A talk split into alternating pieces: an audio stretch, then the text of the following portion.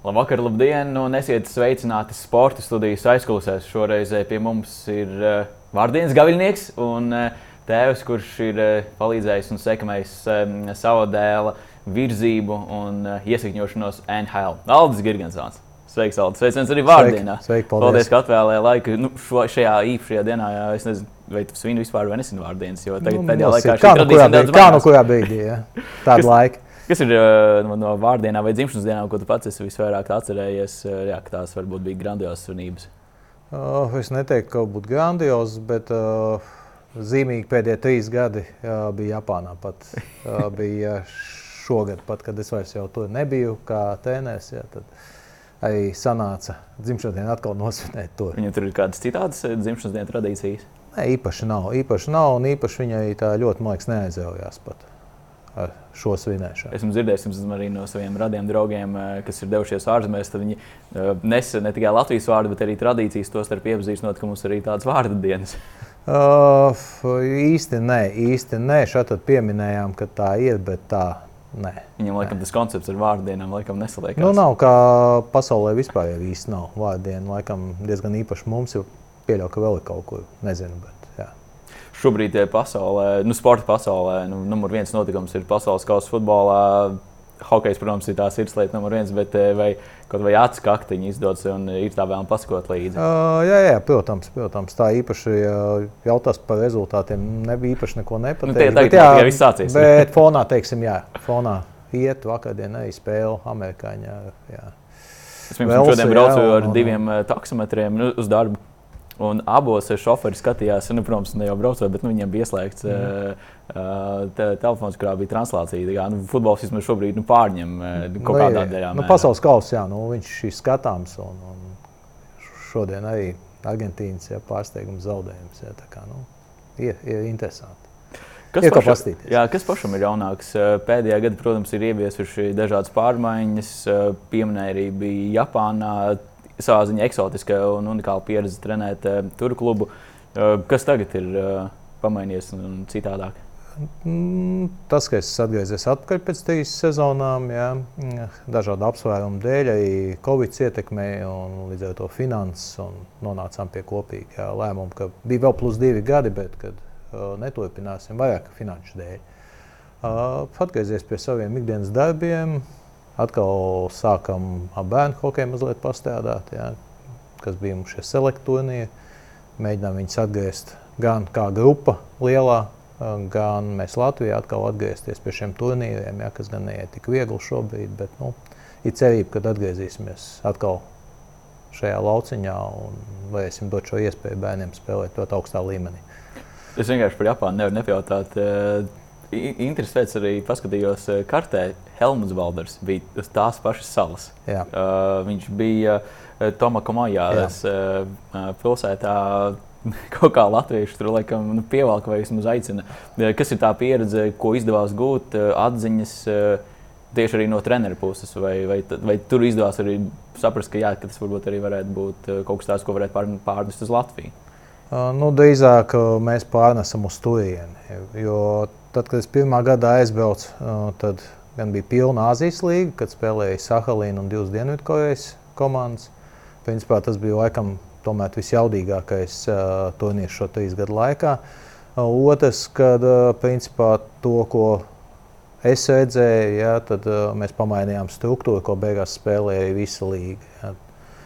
Tīra aizsardzības zona, mēs sākām spēlēt savādāk, ja, un, un, un vairāk teiksim, tā, pēc Hartlīs sistēmas. Es pat teiktu, ja, ka šo zonu mēs spēlējām. Agrāk viņi spēlēja cilvēks cilvēkam, skaidrīja pakaļ. Un diezgan liela juka bija uz tā laukuma. Tad beig, beigās tā līga sākām skatīties, ka ir pārējās komandas, kas to aizsardzības zonu sāk spēlēt plus-minus jau jaunā sistēmā. Ja, tā kā nu, vairāk teikšu tā, ka pārnesām no šejienes uz turieni nekā no turienes uz šejieni.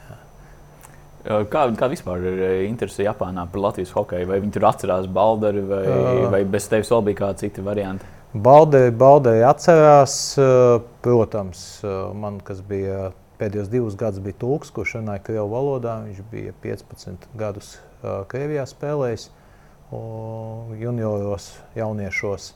Un tad viņa tēvs bija kopā spēlējis atkal Baldēs. Un tā kā šajā sakarā tā saikne teiksim, ļoti atpazīstama salā. Protams, ka to visi zina. Ja? Nu, kas ir hokeja? Interesēs, un kas ir hokeja saistīti. Ja? Citādā veidā nu, man ir grūti spriest ja, par pārējo, vai ko uzrunāja, ko neuzrunāja. Ja? Nu, Sakrīt tā, ka Japānā vispār mēs... hokeju saprot. Tas ir tas oh. sports veids, kurā var redzēt, ka pēc gadiem, desmit, nu, tur varētu mēs skatīties. Piemēram, pasaules čempionāta kontekstā, kad varētu būt pasaules dalībniece. Jo atceramies, pirms nu, vairākiem gadiem Startautiskā, startautiskā hokeja federācija um, tādā izņēmuma kārtā visu laiku turēja kādu konkrētu laiku Japānu. Nu, bija Azijas komanda, tad viņi bija laikam arī labākie Azijā. Ja, jā. bija, ka vieta bija garantēta Azijas komandai. Ja. Šobrīd, ja mēs ņemam tādā cilvēku popularitātes ziņā, kā ikdienas cilvēks, tad nu, viņam, es domāju, ka procentu 80 par hokeju visticamāk vispār īsti nezinu, ka tāds Japānā ir. Uh, ja runājam par to, vai viņi varētu, jā, mainot sistēmu. Mainot sistēmu gan bērnu audzināšanā, gan uh, leģionāri piesaistē, jo šobrīd praktiski leģionāri divi leģionāri atļauti. Tad, kad spēlēja Helmuts, tad leģionāri bija nu, liekas, 80% no komandas. Ja. Līdz ar to tas līmenis arī uh, krītās. Jo nav šie leģionāri un viņi nerada tos, šo spriedzi spēlēs tik lielu. Ja. Un, un, un tas līmenis, protams, ka krītās. Leģionāri tur ir nepieciešami nu, vismaz pieci, es uzskatu. Kā vispār tevi atrada? Tur mazliet ir saikne, īpašniekam ir saikne Latviju. Un, līdz ar to arī sanāca šādi, ja, ka uzrunāja mani un ceļu nedaudz caur selektiem. Nu, iznāca ja, tā grūti izstāstīt, jā, bet caur selektiem, nu, faktiski caur pazīšanos, jā, un, un, un uzrunā, izrunājāmies, ka mums teiksim, tas viedokļi sakrīt, jā, un kad mēģināsim. Nu, iznāca diezgan veiksmīgi, uzskatu. Tā vilkmē strādāt par treneri, kurā mirklī viņa vēl vairāk parādījās, eh, ka tas ir tas, ko varētu pamēģināt? Nu, tā, tā bija tāds eh, īstenībā, es pat nevaru teikt, kluss sapnis, ne sapnis, bet bija tāda nemitīgi ik pa laikam čīkstēšana. Tur vieniem neiet, otriem neiet, tam pašam bufalo nedodiet pamēģināt. Tā bija tāda vairāk uh, nosacīta joku kad, jā, jā, jā, mēs tā esam smejoties, ja, kad, nu, Nec kā, nu, iedodiet man pamēģināšu. Nu, tad tā kā no augšas kāds jā, saka, nu, ko ir, nu, tu pamēģini, jā, kā tad ir, jā, tas viss. Nu, tā viss salikās pa lielam. Tā kā dzīvē reizēm par ko to runā, runā un domājam, viņš saliekās. Būtu notiekās ar savām vēlmēm. Of, nu, nosacīt, es domāju, ka šī ja nebija tā sliktākā iespēja.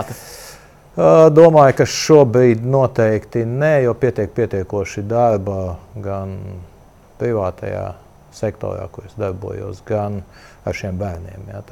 Man gandrīz laikam vairāk uzrunā šis bērnu modelis. Ja?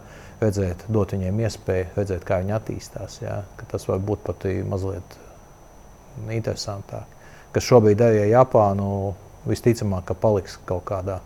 Šī saikne mums paliekās, ja, un ko mēs gribam attīstīt arī viņiem, dot viņiem iespēju, viņu bērniem. Ja, tomēr redzēt, ne tikai spēlēt savā salā, bet spēlēt bišķiņu un ieraudzīt citu to pasaules hokeju. Šī lai pieredze, attīstās. Jā, jā, šī pieredze, ko arī pieminēja, vai ir kaut kas tāds, ko tomēr Latvijas hokejs var paņemt, attieksme, darba etika, varbūt pieeja kaut kādā mm. mērā ārpus hokejiem, tieši kā viņi sakārto lietas. Mm, ārpus hokejiem tas uh, viņiem ir. Principā viss ir sakārtots, bet varbūt tās neteiksim, ka tas ir visaugstākajā līmenī. Bet tas atkal atdurās pēc hokeja popularitātes, protams. Ja, tam, ja hokejam būtu popularitāte lielāka, Respektīvi, noteikti viss apkārt arī būtu savādāk. Ja? Bet viss ir kārtībā, viss ir sakārtots, viss jā, ir labā līmenī. Uh, kas attiecās, jā, kad prasa, ko varētu mēs paņemt, jā, nu, šī darba etika, jā, un, un, un faktiski vienmēr darīt uh, to, ko tev saka, jā, un, lai gan tas varbūt nevienmēr tik labi. Kādreiz vajag improvizāciju. Tas ir nākošais jautājums, ja, kur mēs atdūrāmies, teiksim, kā treneri, it sevišķi es, ja tu saki vienu, viņš to dara. Bet hokejs jau ir pilnīgi savādāk. Jā, brīžiem nospēlē savādāk. Tad puiši nāk un jautā, ko man darīt. Tajā jo situācijā arī visi ir nu, soļus priekšā. Bet viņas nevar pateikt, ja, jo tāpat Sakalīna pirmajā gadā viņi spēlēja, nu, viņi spēlēja kā jau, jau hokejā. Ja. ja tu liec vienu pretī, viņš nospēlēs divreiz vēl savādāk. Ja, tu nevari pateikt un paredzēt. Tā kā tā atkal gan labi, gan slikti. Ja. Un, bet, no, un no vērtību viedokļa? Jūs zināt, ka Japānā ir ļoti attīstīta gan šī ģimenes kultūra, varbūt arī bērnu attieksmi pret treneriem, pret vecākiem? Vai tur ir kaut kāds dažādības starp to, ko mēs redzam šeit Latvijā un kā, kā ir Japānā? Viena lieta, ko es, kas ļoti, kad ļoti, ļoti tāda, viss notiek mierīgi. Un tā cil, nu, principā cilvēciskums. Tas ir pirmais, jebkurā līmenī, tas ir cilvēciskums. Viņš nav uzspēlēts. Nē, pilnīgi nav. Pilnīgi nav. Un jebkurā līmenī cilvēki būs pretim nākoši un laipni. Un uz ceļa būs, nu, es principā tajos gados neredzēju, ka būtu kaut kādi konflikti vai kaut kas. Ja? Un tas viss pārnesās uz sadzīvi, ka tu jūties ļoti komfortabli šī iemesla dēļ. Vecāki, laikam, arī treniņos, bērnu treniņos un spēlēs ir mierīgāk. Jo Latvijā es, jā, es esmu pat redzējis, ka jā, jā. tur lien pāri bortam un bļaus treneri.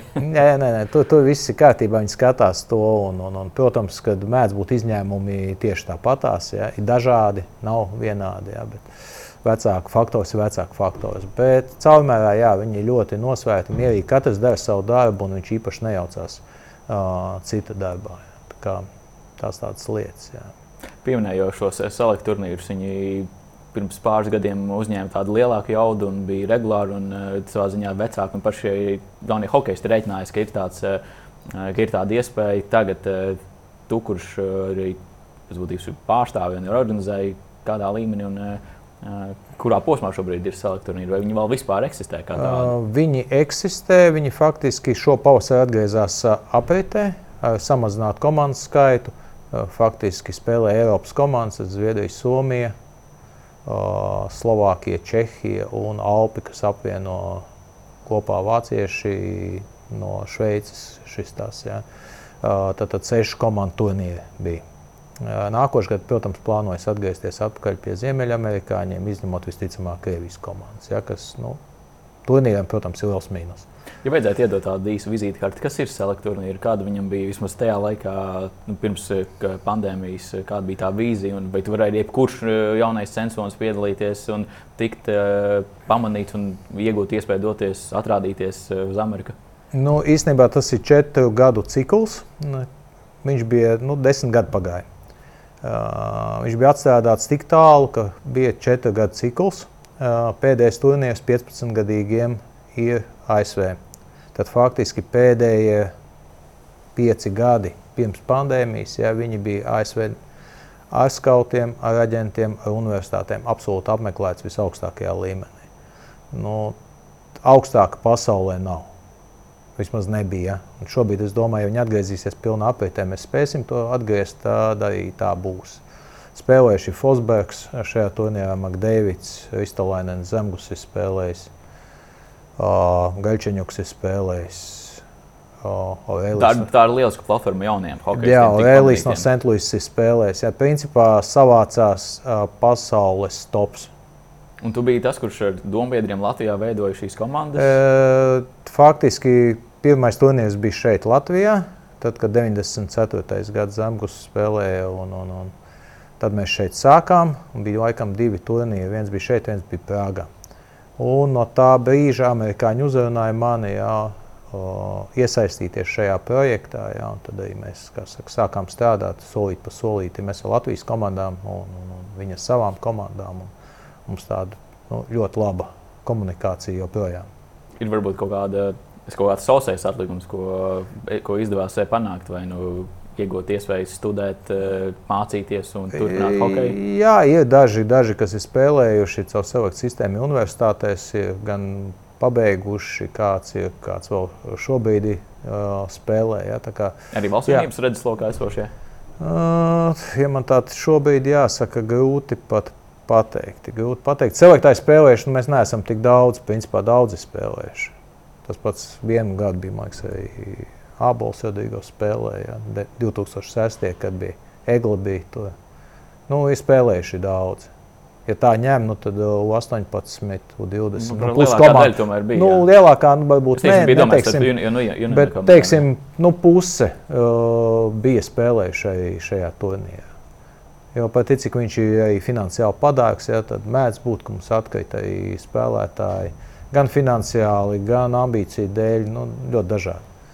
Ja ir atteikumi, tad viņi vismaz kaut kādi pieci iemesli varētu būt, kāpēc. Nē, jā. Bet šis arī, Un nav tikai šis arī bija uz vecāku pleciem Jā, protams, protams. Nē, tas viss uz vecāku pleciem. Turnīrs ir absolūts komercs uh, turnīrs, kurš ir pietiekoši dārgs. Un, un, bet nekur pasaulē netiek līdz U16, pat U16 nosacīti arī netiek apmaksāts. Jā.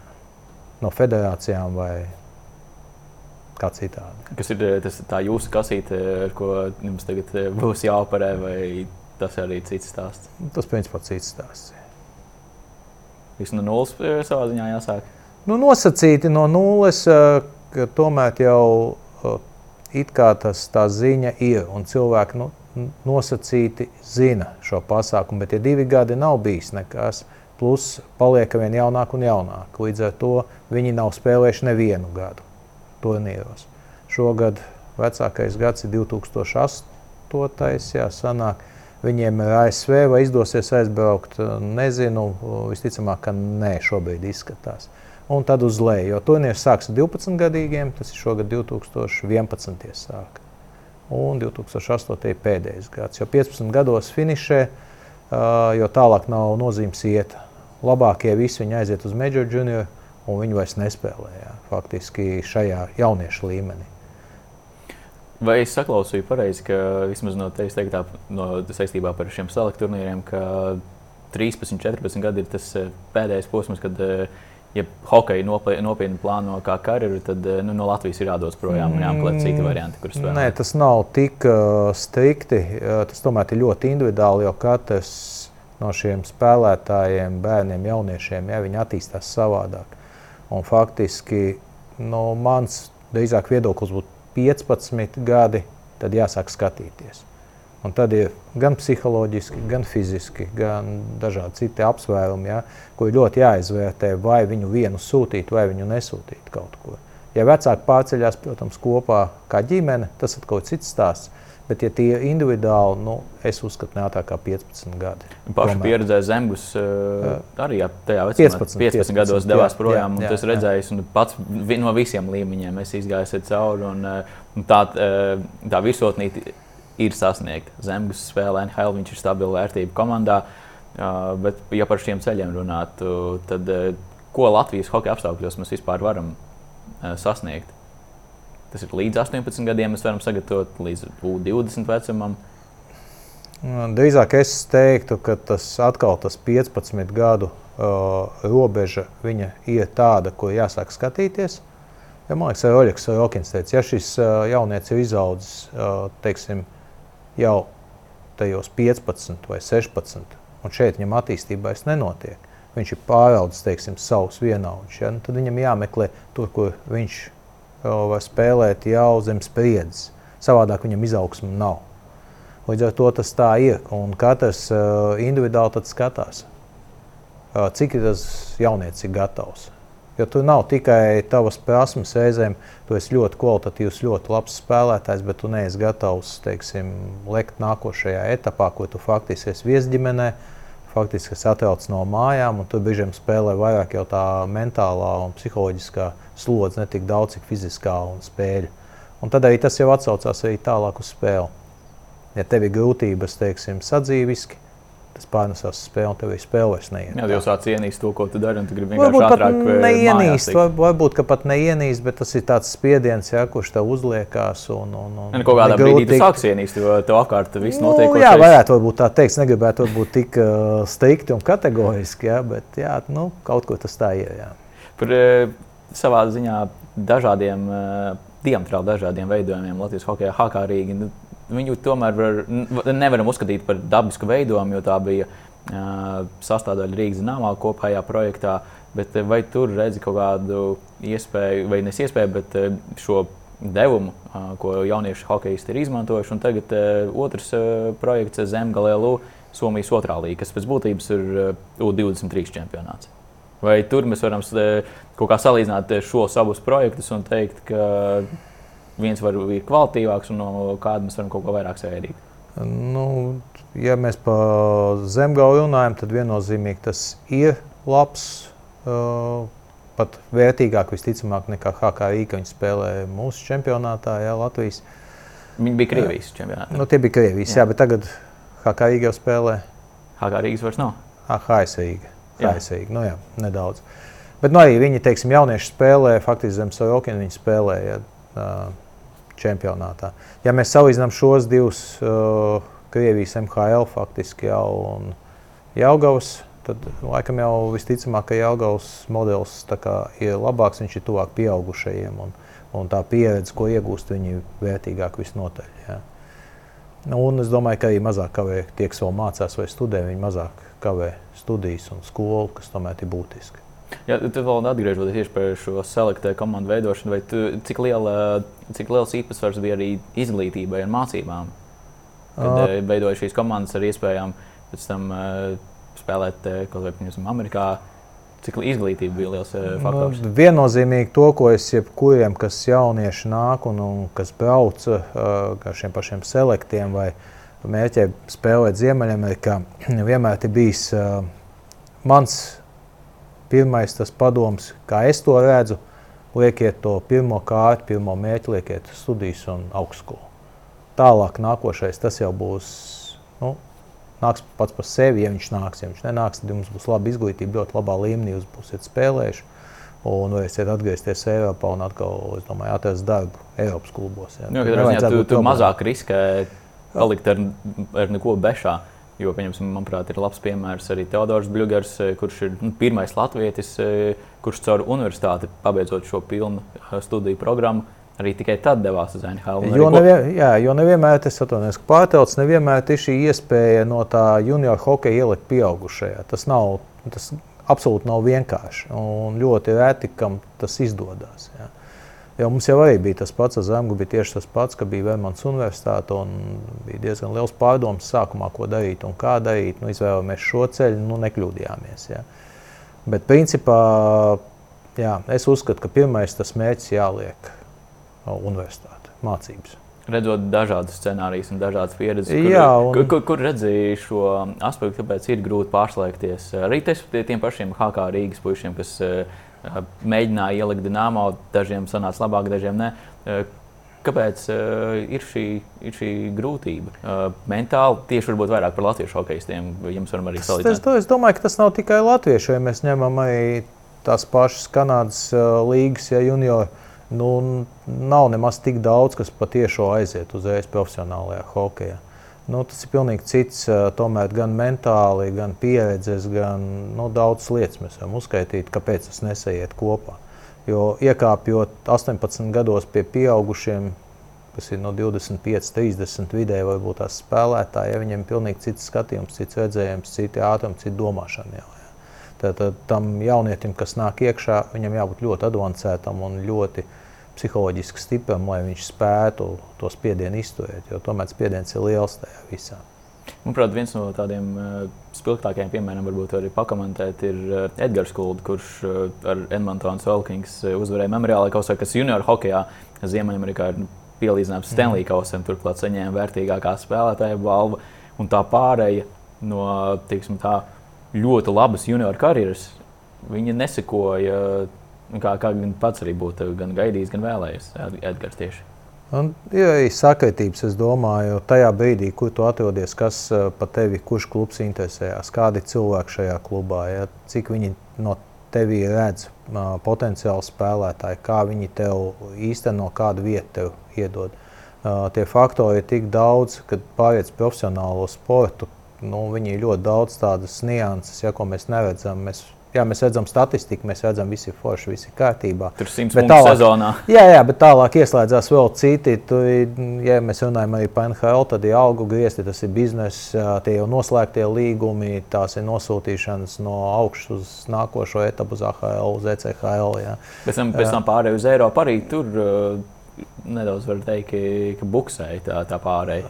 Nu, jā, jo tas, tas viss, kad viņš aiziet mazliet, varbūt tās ne tā kā vēlētos, nav tik viegli atgriezties atkal atpakaļ. Ja? Un, un, un, nākošie atkal skatās no tās iepriekšējās pieredzes, domāju, kā viņam ir gājis tur. Tur varbūt nebija pareizie cilvēki, nebija pareizais laiks, nesakrita. Ja? Viens goliņš neiekrīt kaut kur, viena piespēlīt neaiziet tā kā vajag, ja ielaiž kaut kur aizsardzībā nenospēlē.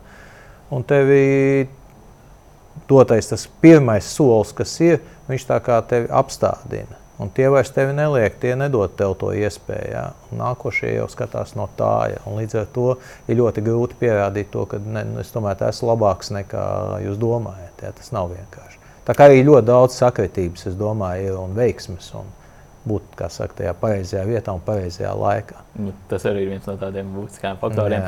Jā. Tas, kas arī mūsdienu hokeja īpaši jauniem, ir blakus apstākļus, ir sociālai tīkli un mēdī kā tādi.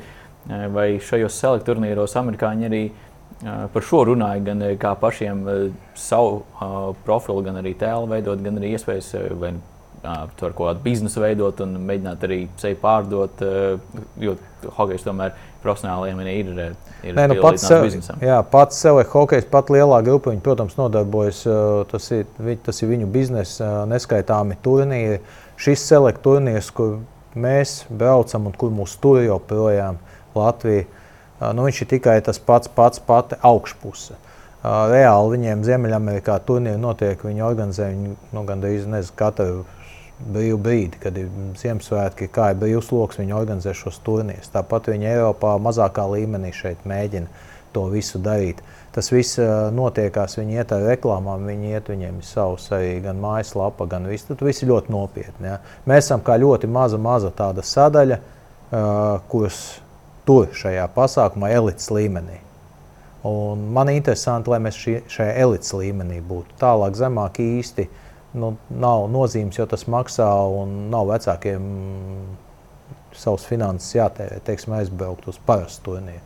To var darīt, braukt uz Slovākiju, uz Čehiju, uz Zviedriju, Somiju, uz klubu turnīriem un spēlēt, kas maksā krietni lētāk. Ja, un, un viss ir kārtībā. Tā kā, respektīvi, jā, mēs turamies, cenšamies turēties tajā elites līmenī, jo bija gadi, kad mums gribēja arī tā kā, no tās elites uz 3A grupu tikai pārbīdīt. Ja, jo sāka gan ziemeļamerikāņi, gan krievi. Ne tikai pa mums, tas ir vācieši, kad ik pa brīdim spēlē, ka šīs mazās hokeja valsts viņas tomēr atbīdīt nost un paliekam tikai mēs. Tā kā lielais. Uh, kvalitāte, kvalitāte. Viņiem ir interesanti spēlēt visaugstākajā līmenī, un viņi negrib, ka uh, ir zemāka līmeņa nedaudz komandas, ja, kuras kā, nu, viņiem liekas spēles, kuras viņiem kā, nomināli. Bet atšķirība ir uh, acīm redzama, vai tā ir tāda mm, nu, ja, ja mēs ņemam tā ļoti, ļoti lielos vilcienos, tad faktiski desmit gadu laikā mēs bijām laikam divas reizes sešniekā no kaut kādām teiksim, komandām 20. Pārējos gadus mēs esam tur, kur mēs esam, 15 un uz leju vieta. Nu, nav nekādu iespēju gandrīz vai tikt augstāk. Kas raksturo šo līmeni, ja, kad nu, viņš ir reāls izlaša līmenis. Jā, Tikai saucās, jā, selekts, jo pa izlasēm neviens viņus nevar saukt. Jā, tas kaut kādā mērā ir labs. Uh, laba kardiogramma Latvijas hokeja sistēmā. Abs absolūti, absolūti. Un, uh, tie treneri, kas aizbrauc, viņiem ir iespēja redzēt šo hokeju, kāds viņš reāli pasaulē ir. Jo pat 12 gados viņi spēlē pieaugušo hokeju ļoti daudz. Jau. Ja mēs sakām, mums tur vēl laiks, mums tur vēl nu, mēs, kā saka, bērnu spēlēm nodarbojamies, tur neviens vairs to nenodarbojas. Jo tagad pavasarī, kad bijām, tad Čehu selekts, viņi faktiski viņi spēlē kā reāli pieaugušo komandu. Reāli, tu, tu skaties, un tur nav starpības. Tas, ka viņi ir mazi un viņi varbūt ir bijuši lēnāki, un nav fiziskā spēle tik daudz, ja? bet viņi reāli spēlē pieaugušo, pareizu pieaugušo hokeju. Tu skaties, un jā, prieks skatīties kur, kur mums ir uh, savs mājas darbs jāveic, lai vismaz pielīdzinātos Čehiem. Vai šobrīd to tā ir? Tā ir sistemātika, ko mums joprojām nav un neizskatās, ka viņi tuvākā laikā būs. Mēs katrs strādājam, kā mēs gribam. Līdz ar to mēs saliekam. Ar katru, katru individuāli domā hokeja skolas. Jā, jā. jā. Hokeja skolas, es pat domāju, ka hokeja skolām treneri iekšienē, pat hokeja skolām nav vienota uh, principa, pēc kā mēs strādājam. Tas, ko es arī pirms nedēļas, jā, veidojot eh, šo sižetu, kur uh, savā ziņā iekustināja Sāns Ozoliņš, minot eh, par šiem dažādiem ceļiem uz NHL. Uh, tad uh, Kārlis Zirnis minēja, ka Amerikā vismaz Hokeja federācija finansiāli vai materiāli palīdz tām skolām vai akadēmijām, kuras pieturās pie viņa izstrādātā treniņa plāna un pieejas. Ir kaut kas tāds, ko mēs tiešām varam pārnest mūsu arī finansiāli mm. spiedīgajos apstākļos, vai kamēr nav finansējums kā tāds, un viss balstās vairāk vai mazāk uz vecāku klasēm, tad Mēs īstenībā nevaram runāt par to vienoto hokeja sistēmu. Tas pat varbūt nav, ka balstās uz vecāku pleciem. Tā ir viena lieta. Otra lieta ir, eh, kamēr uh, federācijai nebūs iespēju, un viņas nav, reāli nebūs iespēju finansēt klubus kaut kādā zināmā apjomā, finansiāli. Tas, ko amerikāņi dara. Ja? Uh, es nezinu, vai viņi dara, bet visticamāk, ja Kārlis tā saka, tad tā noteikti ir. Uh, tad mēs arī nevaram uzstāt, federācija nevar īpaši uzstādīt uh, noteikumus. Jo reāli klubs katrs izdzīvo pats par sevi lielos vilcienos. Un uh, grūti uzstādīt un teikt, ka jums jāstrādā šādi. Ja, Teorētiski var jau nepiešķirt akreditāciju. Nu, tas varbūt tas var būt skolas status. Nu, tas būs atkal varbūt pa skarbi, un tad mēs nonāksim varbūt pie tā, ka vispār mums nav ne Latvijas čempionāta, nekā. Jā. Arī tā var gadīties. Tā kā, tas nav tik viennozīmīgi, ka teikt, tagad mēs skaldīsim un valdīsim. Nu, tā, tā nebūs, kāds ir hokeja skolu mērķis, ja viņi pat iekšēnē dara citādāk darbu? Es domāju, ka katrs cīnās par savu bērnu, par katrs par savu, varētu pat teikt, klientu, lai būtu šīs komandas. Viņiem ir nepieciešams uzvars, jo, ja uzvars, tad, protams, ka nu, klubs skaitās nomināli labāks. Ja?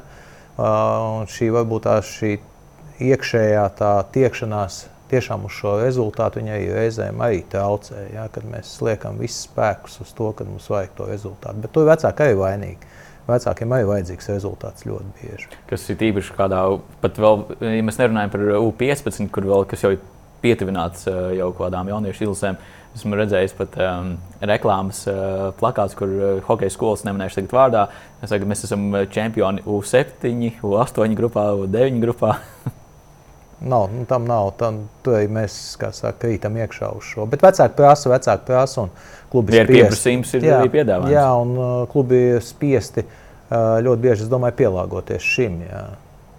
Kā, ir ļoti, ļoti daudz uh, šo faktoru tādu. Jā, kā viņus sakārtot, es domāju, ka tāds īsts atbildes šobrīd nav. Kāds tu biji kā vecāks vai zemgus uh, ceļš hokejā? Ir savā ziņā tavs neizsapņotais stāsts. Nu, varbūt kaut kur zemapziņā, jā, bet ne dabā. Dabā mēs kaut kā baudījām to, kas ir. Braucām, spēlējām. Jā, tāda nebija mums tāda, ka mēs iet uz kaut kādu ļoti konkrētu mērķi. Jā.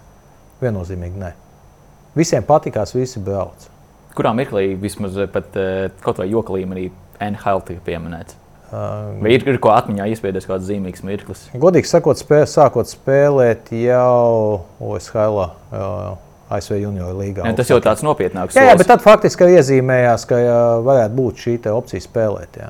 Bet ne nopietnā līmenī, tā joka līmenī, kad kādreiz varbūt kādreiz. Uh, var, varbūt, ka es melošu zemapziņā visticamāk, ka noteikti ka bija, bet tā, ka, ja man jāsaka, ka mēs apzinīgi to būtu plānojuši vai domājuši, ka tā būs, nē. Vispār nekad. Tā dīvaini izklausās noteikti, bet nekad. Ņemot vērā, kā Zemgus ir savu ceļu izveidojis, eh, nu šķiet, ka tas ir jau saknē bijis tāds pārdomāts, ja ne teiksim, projekts, tad eh, vismaz plāna izpilde, eh, kur rezultējās ar, nu, ar šo nu, no, malas vistic, no malas visticamāk, ka tā izskatās, bet varbūt tās, tas plāns un tāds mērķis nebija, varbūt tāpēc arī izdevās.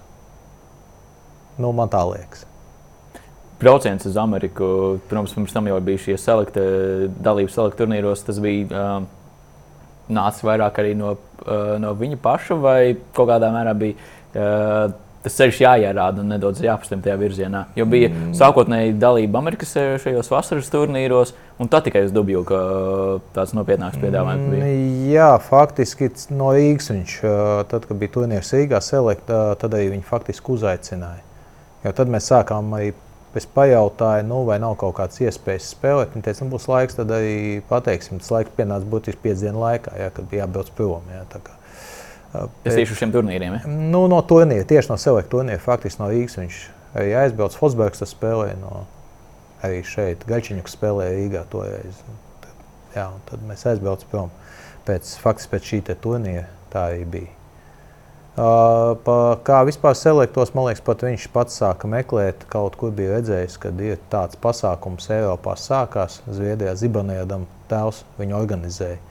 Un mēs Edmunds Vasiljov hokeja skolu aizbraucām Stokholmā nospēlējām. Tas bija faktiski, jā, tas bija pirmais turnīrs, bet to kaut kā zemus viņš bija kaut kur to pats arī redzējis. Bet viņam vajadzēja arī komanda, kas brauc ar viņu. jā, jā, bet nu, komanda jau bija. Edmunds bija komanda un bija laba komanda. Un, un, un tad es atkal iesaistījos. Nu, kaut kā tas viss tā dabīgi aizgāja. Tur nebija tā, ka viens vai otrs kaut kā kopistiski tas izveidojās. Tās kārtas salikās, ka mēs sākām to spēlēt tajā turnīrā. Tad tas sniega bumba sāk vēlties vienkārši jau pat no sevis. Un tad, eh, kā minēja, tad Dubļūkā jau tas uh, ieguva pavisam citas aprises. Nu, tas ir pilnīgi citas. Tas ir pilnīgi citas. Un, un faktiski tas bija 15. Viņš aizbrauca. Jā, nu, faktiski 16 gados viņš sāk spēlēt jau ar rezultātu sāk spēlēt Dubļūkā. Tas pašam bija pārsteigums, vai jau iekšēji bija zināmā mērā, ne, zināmā mērā pārsteigums. Jā, nu, tieši tā, tik, tik jaudīgi, jo nu, tomēr tu spēlē, pārceļoties studenti, spēlē 21 gadīgiem, kas ir vecākie. Ja? Tā vecuma starpība ir ļoti liela un milzīga. Un iesākot jau junioros, viņa tie rezultāti viņam bija tiešām bija labi. Pirmo. Pirmajā gadā bija tāda vairs sistēma pat nav. Pie AB juniori viņš faktiski pusgadā pārkāpa no B uz A, un nākamā gadā jau bija augstākajā junior divīzijā, nu, kas notiek ļoti rēti. Tā kā, jā, ja tagad atskatās, tad var teikt, ka tas ir diezgan pārsteigums. Jā. Plā, plānots noteikti, ka tā nebija, ka tā var būt. Jā. Pārsteigums ar labām beigām. Jā, pārsteigums ar labām, protams. Jā. Protams. Tagad vēl, varbūt vēl patinot šo, šo atmiņu kamolu Vecāki, protams, darīs visu savu bērnu labā, ja redz, ka viņam ir šī sirdslieta, un arī viņam pašam mērķis eh, sevi pierādīt un, un izsisties. Eh, cik daudz ir sanācis ieguldīt, eh, lai tiektos šo mērķi? Nu, varbūt ne konkrētos skaitļos, bet kas ir, kas ir tas, kas nu, vismaz jūsu ģimenē bija jāsagādā, lai varētu arī nodrošināt zemgumu šo iespēju? Es teiktu, ka vairāk tas ir patērētais laiks halēs un braucienos. Un savā ziņā uh, māsa varbūt ir cietusi nedaudz no visa šī, ja, kad kaut kādā momentā tas viss aizgājis vienā virzienā. Ja. Citādi nu, jā, nav neviens ne rēķinājis, ne skaitījis. Ja, bet vairāk teiksim, tas laiks, kurš bija patīkams, foršs un visnotaļ. Jā. Ir kāds viens no tādiem spilgtākajiem nu, brīžiem, prieka brīžiem, kas uh, arī gadiem ir uh, ko, ko arī pēc gadiem ir patīkami atcerēties? Nu, laikam drafts, laikam drafts. Tas tomēr laikam ir tāds visspilgtākais un, un iespaidīgākais moments visā šajā posmā. Tas tāds eh, stāsts, kurā nu, pēc būtības nu, e, e, varētu teikt, varētu teikt jau kā ar dubjuku Mm, jau Zemgus jau pats sāka savu ceļu veidot, bet tas laikam bija tāds nu, treknis punkts. Nu, šeit, eh, šeit man ir palīdzība, vairs, eh, no šo, ar šo mana palīdzība beigusies. Nu, jā, tas ir tāds nu, kopējais ģimenes uzvara. Kā, kā raksturot šo ceļu? Zemgus nonākšana uh, eh, NHL, sākot jau no uh, trenēšanās pie Edmunds Silja līdz brīdim, kad uh, viņa vārdu nosauc uh, NHL līnijas komisārs? Nu, es teikšu, tā, ka laikam tā ir tā patika pret lietu, ko tu dari. Tas ir tas galvenais. Gan man patika, gan viņam patika, uh, gan Edmunds Siljovs, ja, kurš kā treneris iedeva ļoti daudz. Ja. Ja mēs sakām, ka nevar izaudzināt, nu, var izaudzināt. Tāpat Teodors Bļūgers jau principā arī līdz 15 gadiem ir šeit. Nu, tie pamati viņam tika ielikti. Šķiet, Jemeļaņinko bija viņam Baldē hokeja skolā. Tā kā gluži tā nav, ja tos pamatus ieliek pareizus, tad arī izauga. Līdz ar to, jā, nu, tas posms tāds patīkams. Bet eh, tas, ko arī par eh, ir saka, nu, viņam šis talants bija nu, krietni vairāk nekā pārējiem, kas ļauj viņam šīs zināšanas uh, uzsūkt un arī šos pamatus spēcīgākus ielikt? Un, es domāju, raksturs un, un šī te, jā, psiholoģiskā noturība un šī spēja strādāt, jā, kas arī Teodoram, es domāju, ir tieši tas pats. Jā. Un tas, tas arī palīdzēs. Protams, ka atšķirās nu, tāpat kā mēs varam teikt, nu, Makdēvids. Ja? Nu, nav izpildāms, kā cilvēks spēlē. Nu, kā viens konkrēts piemērs, tas pats Krosbīs. Ja? Tā, kas ir pavisam elite augšējā superzvaigznes. Tur nav īsti saprotams, kā viņi to dara. Protams, ka viņiem ir ielikts, bet tajā pašā laikā, ja viņi neliktu darbu iekšā, tad atkal tas būtu tādā puslīmenī tikai. Ja, tomēr. nu, visi viņi liek ļoti lielu, milzīgu darbu iekšā. Un, ja apvienojās šis talants, darbs, vēlme, cilvēciskums arī. Ja, jo tu, tu nevari būt uh, komandās nemīl cilvēks, kas ir egoistisks un pašpasēvi. Jā. Tomēr tā ir komanda, jā, un tos cilvēks ciena.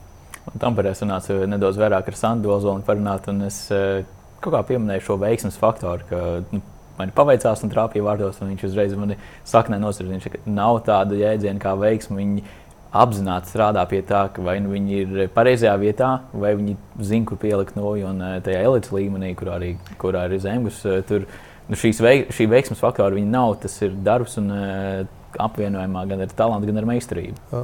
Talants, meistarība un nu, kā es redzu, cilvēkiem ir kam tas tiek vienkārši iedots. Nu, ja mēs paskatāmies tas pats futbolā, Ronaldo, nu, cik bieži viņš tukšos neiesiet. Ja? Viņš vienkārši tajā vietā, kur bumba nokrīt. Nu, viņš tur ir. Ja? Kāpēc viņš tur nav izskaidrojams? Ja? Un to tā, man liekas, pat iemācīties īsti nevar. Tas, tas, tas jau nāk jau dabīgi. Jā, pēc tam var pieslīpēt, kā Sants saka, kur labāk, kā pielikt to noiņu vai kā uzmest. Ja? Tas atkal ir darbs. Tas atkal ir darbs, atstrādāt, atslīpēt ja, tās tehniskās sliedas, bet tādu spēles izpratni, to izjūtu, nu, viņu, man liekas, tā īsti iemācīties nevar. Jo tie nu, augstākā līmeņa, kas ir pavisam zvaigznes, viņi jūt to ripu, teiksim, uz ripas tiesu, ja, ko cits nejūt.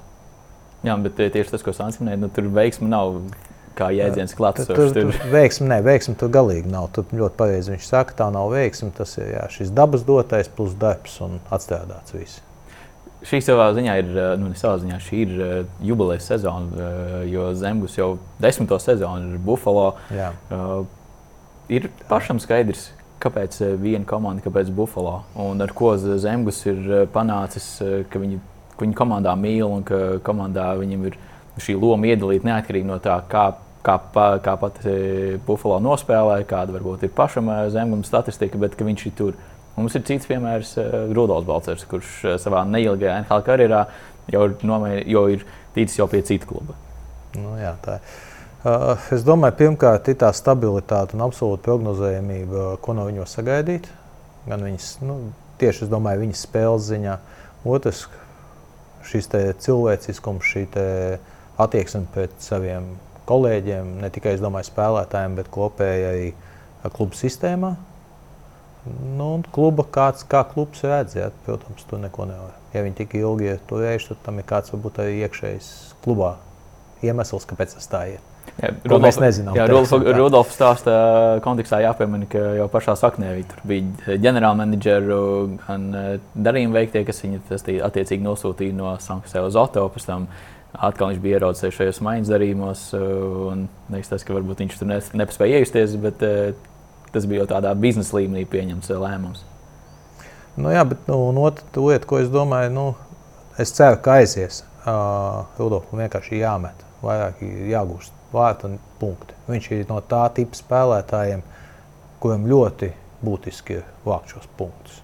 Tas, tas viņam ar to jātiek galā, jo meistarība viņam ir gana un daudz. Un, Zemgājums savukārt ir cita loma.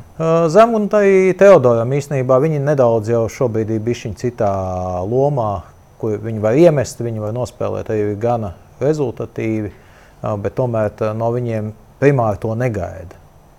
Viņi abi tomēr to aizsardzībā ļoti kvalitatīvi nospēlēt un, un tādos mirkļos, kad vajag saspringtos. Ja, Rudolfs saka, ka vairāk izteikts tāds uzbrukuma spēlētājs. Ja, un, nu, viņam ir vajadzīga šī tīņa vēl veiksme un, un visam jābūt kārtībai.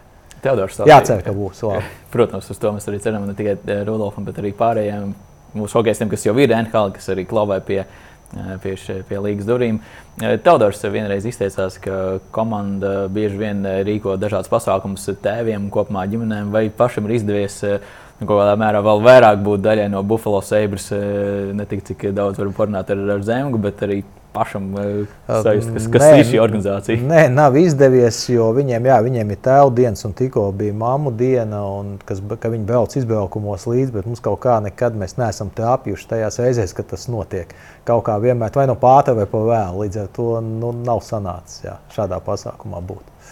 Jo, bet tā saikne ar komandu ir caur zemgu vai tomēr arī pašam ir iespēja Ar koman- vai ar citiem tēviem kaut kādā mērā Nē, komunicēt? mums komunikācija vispār nav. Mēs eh, kā klubu nav īsti nekādas saiknes. Tik cik kāda reize īpašniekiem ir, ja ir bijuši jaunais gads vai kādi pasākumi, jā, kur teiksim, ir oficiāli uh, sasveicinās. un viss. Tas, tas arī viss, kas ar klubu pa lielam. Nē.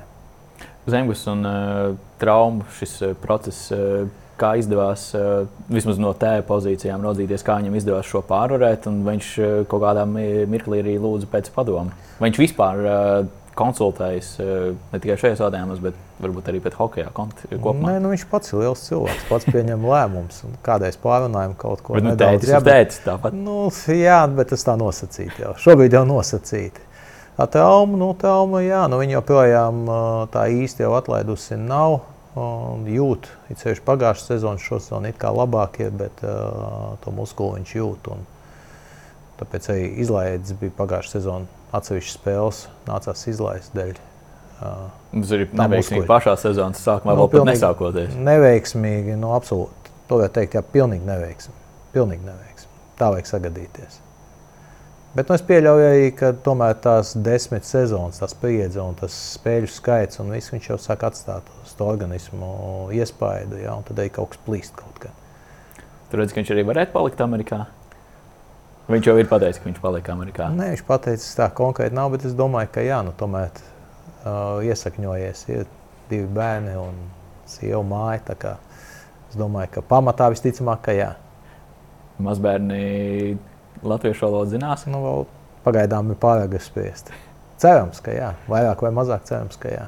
Vismaz uh, Ropa un Romi, lai sasveicinās. No, piemēram, jāmācās angļu valoda arī nav slikti. Bet arī par šo ģimenisko aspektu, vai kaut kādā mērā nav žēl, ka dēls ir, ir projām otrs puses okeānam, un īstenībā izskatās, ka tā ģimenes dzīve arī tur tā arī veidosies. Nu, tā kā ir medaļas, divas puses medaļai. Ja viena ir, viņam visi, ja viņš ir laimīgs un viss ir kārtībā, tad visi ir forši. Tad arī mēs esam priecīgi. Ja? No otras puses, protams, ka gribētos biežāk redzēties un varbūt tās, ka būtu tuvāk, ja? bet nu, jā, tāda ir dzīve. Ko, Tā kā es, uz, es uzskatu, ka viss ir kārtībā. bet, nu, sieva droši vien, zemes dro- nedaudz citādāk. Pieļauju, ka jā, pieļauju, ka jā, tas jājautā viņai. Bet domāju, ka jā.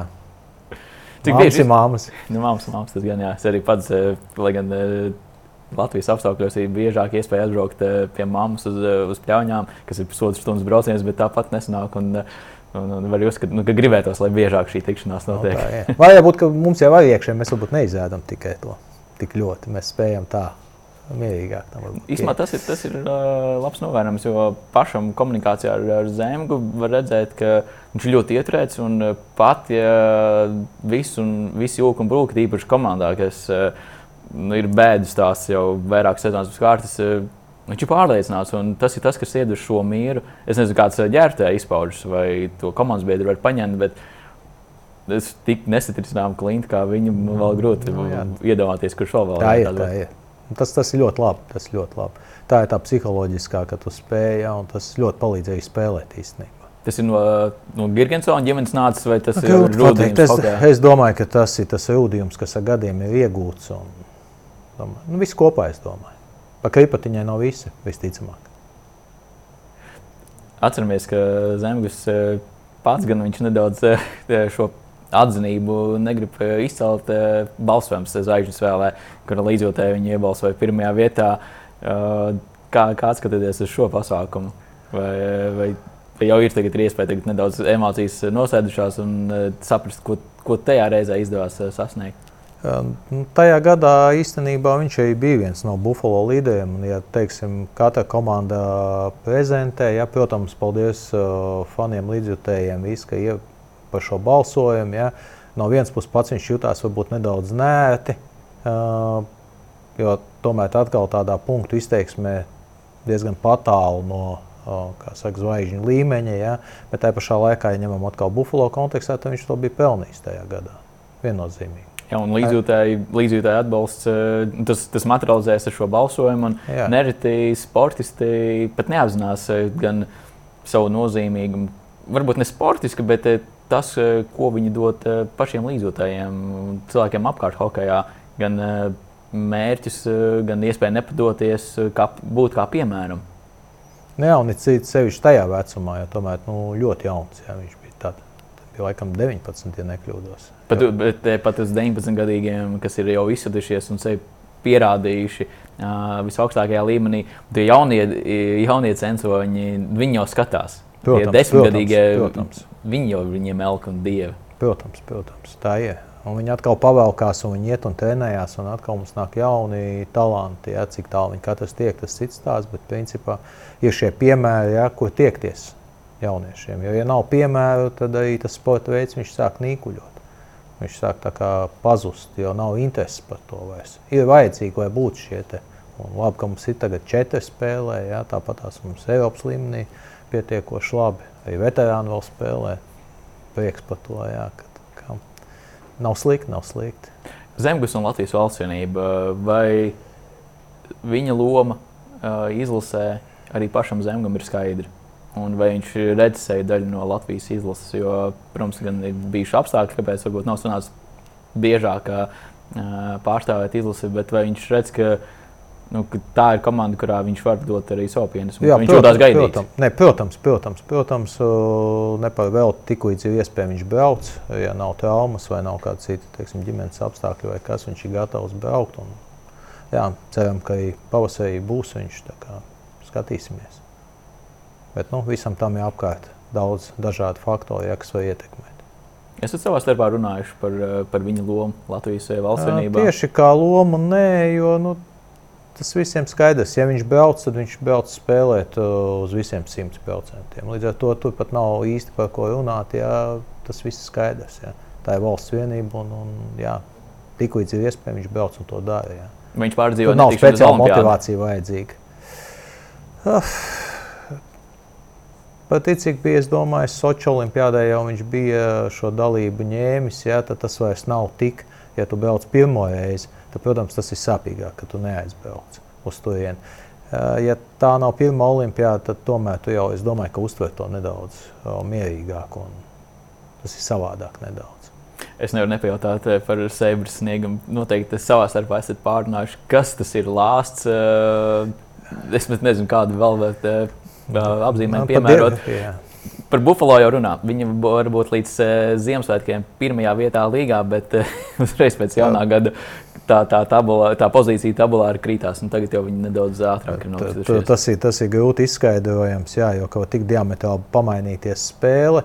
Uh, bet, ja ņemam šo gadu, tad laikam uh, tā galvenā iezīme ir šī komandas jaunība. Jo komanda ir jaunākā līgā, ja nekļūdos, un uh, šie spēlētāji ir talantīgi, bet pietrūk šī pieredze nospēlēt pret pieredzējušām un tādām jau, varētu teikt, veterānu komandām. Ja? Tā ir tā galvenā, ko mēs esam gan pārunājuši, gan tas redzējums. Ja? Faktiski tā ir tā lielākā problēma, jo kolektīvs ir labs, viņiem ir laba atmosfēra un viss, bet jā. Nu, pirmā vācēka tilkums arī. Nav pirmā numura jau kuru gadu, man liekas, kopš aizgāja Millers. Tas bija pirms. Tas, tas bija paši, paši sākumi zem Buffalo. Tas gadi varētu būt. Jā, bis, es domāju, ka jā, kaut kur aptuveni. Kopš tā brīža tāds izteikts numurs viens nav bijis. Bija Leners, bet tad viņš bija savām problēmām arī. Un, uh, pēc tam, man liekas, viņš arī uz rehabilitāciju aizgāja. Tā, kā, jā, tā arī viena no, es domāju, diezgan lielām problēmām, ka tev nav. Mēs redzam, ka daži spēlētāji, kas ir aizgājuši no Sēbras, tas pats Eikls, viņa met, un, protams, viņi ir komandās, kas ir tajā mm, plēfa robežā, vai es nezinu, pats Zemgus ir pieminējies, ka nu, kaut kādā mirklī gribētos pamainīt, iegūt iespēju būt šajā plēfa komandā. Tā īsti nē, jo tā principā sapratni par to, ka uh, tu nevari izlemt, ko tu gribi un ko tu gribi. Jo faktiski, ja tu vari dot aģentam norādījumu, ka varbūt tas nu, tas, tas atkal tas nav tas labākais, kā saka, message, jo tikko tu sāc kaut ko meklēt un uzskatīt, ka tev vajag kaut ko citu labāku, un, un vismaz es arī to uzskatu, ka tas tā, tā nav laba tā kā prakse, laba zīme. Varbūt var pavērt šo priekškaru un pastāstīt par mirkli, kurš bija vistuvākais un varbūt pat reālākais brīdis, kad Zemgals varēja nonākt citā komandā. Tas varētu būt kādi pieci gadi atpakaļ, kad bija kaut kāda kustība, bija interese, bet Seiba paši nevēlējās viņu atdot, ja, cik es saprotu. Bet tas ir kaut kāds, varētu būt aptuveni pieci gadi atpakaļ. Jūs zināt, jau konkrēti komanda? Vai... Nē, nē, nē, nē, gāja tikai runas, ka varētu būt šī maiņa kaut kur, bet tā konkrēti nekas nebija. Un, un tā arī palikās. Un, jā, nu jau bija veterāns. Varbūt arī saka, karjeras paiest. Un es pajautāšu, skatīsimies uz priekšu. Un es pajautāšu, kā tēvam, Vai gribētos, eh, ka Zemgals nonāk eh, citā komandā? Uh, visticamāk, kaut kādā momentā, jā, varbūt tās ne tuvākos gadus, bet varbūt tās pat uz karjeras jau beigām, jā, jo jācer, ka vēl kādi pieci gadi vismaz uh, šī karjera būs, turpināsies. Tad varbūt tās, ka jā, kas varētu pacīnīties arī par Stanley. Tas tāds parasti arī hokeisti vismaz mūsdienās nu, nedaudz šī tendence palielinās, ka vienā komandā aizved vai nu, lielāko daļu karjeras, vai, vai pat visu karjeru, bet eh, nu, tā, tā ir uh, izplatīta praksa. Nu, to mēs tā nevaram vismaz nu, līgas kontekstā attiecināt. Nu, jā, tā, tā, tā ir. Tā. Viņš ir ieminējis, kur būtu gribējis pavadīt visu ne, karjeru. Ne, ne. Mēs, tomēr... arī, ne, mēs arī neesam runājuši par to tā. Vienkārši Buffalo tā ir izveidojies. Un, jā, visi nu, lielos vilcienos jau viss ir kārtībā. Bet kāda apā, apātija viņa balsī šajos gados, eh, sezonu pēc sezonas, var just? Nu, tie zaudējumi bija bišķiņi pa daudz. Ja. Tas, tas jebkuru iedzen. Es domāju, ka visas komandas jau brīžiem ir ļoti, ļoti piezemēta, jo nu, cik ko zaudēt. Ja. Ir kaut kā mainījies eh, veids, kā par sezonu jūs savā starpā runājat, ka varbūt sākumā bija eh, daudz emocionālāk, daudz eh, vairāk ap, apstāstīts apkārt, un tagad, nu, jā, nu, tu jau zini, kā mums ir. nu, nē, jo tas, tas ir darbs, un tā ir, nu, tā ir ikdiena. Jā, nu, tā ietiem sēbiem, tā viņš iet. Jā. Jācer, ka var būt, ka kaut, kad, kaut kas pavērsies. Nē, šī cerība tas ir, kas ir uzturēts. Nu, tā, kad, Nu, tā cerība ir, jo šie jaunie talanti, viņi forši ceļ un labi spēlē. Ja, un, un, un, it kā tā cerība jau ir. Ja, bet, bet kaut kā vienmēr kaut kur kaut kas ir pa īsu. Kas? Nezinu. Kādi pašam ir tuvākie darbi tagad? Tuvākie darbi faktiski rītā lidoja uz Japānu, uz Latvijas vēstniecības sporta pasākumu, ja, kur mums arī būs. Uh, Trenēs Japā, vēstniec, Japā... vēstniecības darbiniekus? Nē, nē, nē, tur tad eh, pasākums es pat īsti nezinu to formātu, bet faktiski mēs visticamāk prezentēsim Japānas selektu uh, tā jau oficiāli. Un tad ir vēl viens pasākums arī Japānā, kas ir sporta uh, pasākums, sporta balvas pasākums, bet tur man nav šobrīd īsti informācijas, kas kā. Un, bet jābūt ir, tad skatīsimies. Kad plānots apvienot eh, zemgunu un mazbērnus? Uh, jaunā gadā, jaunā gadā. Tas ir nākošais. Atgriežoties, tad jā, plānojam pēc jaunā gada pabūt nedaudz ilgāk. Visa ģimene būs Buffalo? Uh, tad būs Buffalo, jā. Forši priecīgi šo, šo atlikušo gadu nogali arī eh, Ziemassvētku šajās noskaņās, lai izdodas. Uh, arī zemgam varbūt tā ir kāda laba vēlējuma, kas arī palīdzēs viņa sezonas griezumā. Jā, paldies. Un vēlreiz paldies par devumu. Uh, Latvijas hokeja izaudzinot krietni ne tikai dēlu, bet arī hokejs, kurš ir pierādījis ne tikai savas kvalitātes, bet ir kā arī firmu zīme kopumā Latvijas hokeja. Paldies! Paldies, Aldo! Un priecīgi vēlreiz vārdienu. Paldies! Paldies! Paldies. Līdz ar to arī mēs sporta studijas aizkulisēs varam priekšrocīt cietē. Paldies, ka bijāt kopā ar mums šajās, šajā epizodē un tiekamies jau nākamajās pārēdēs. Visu labu!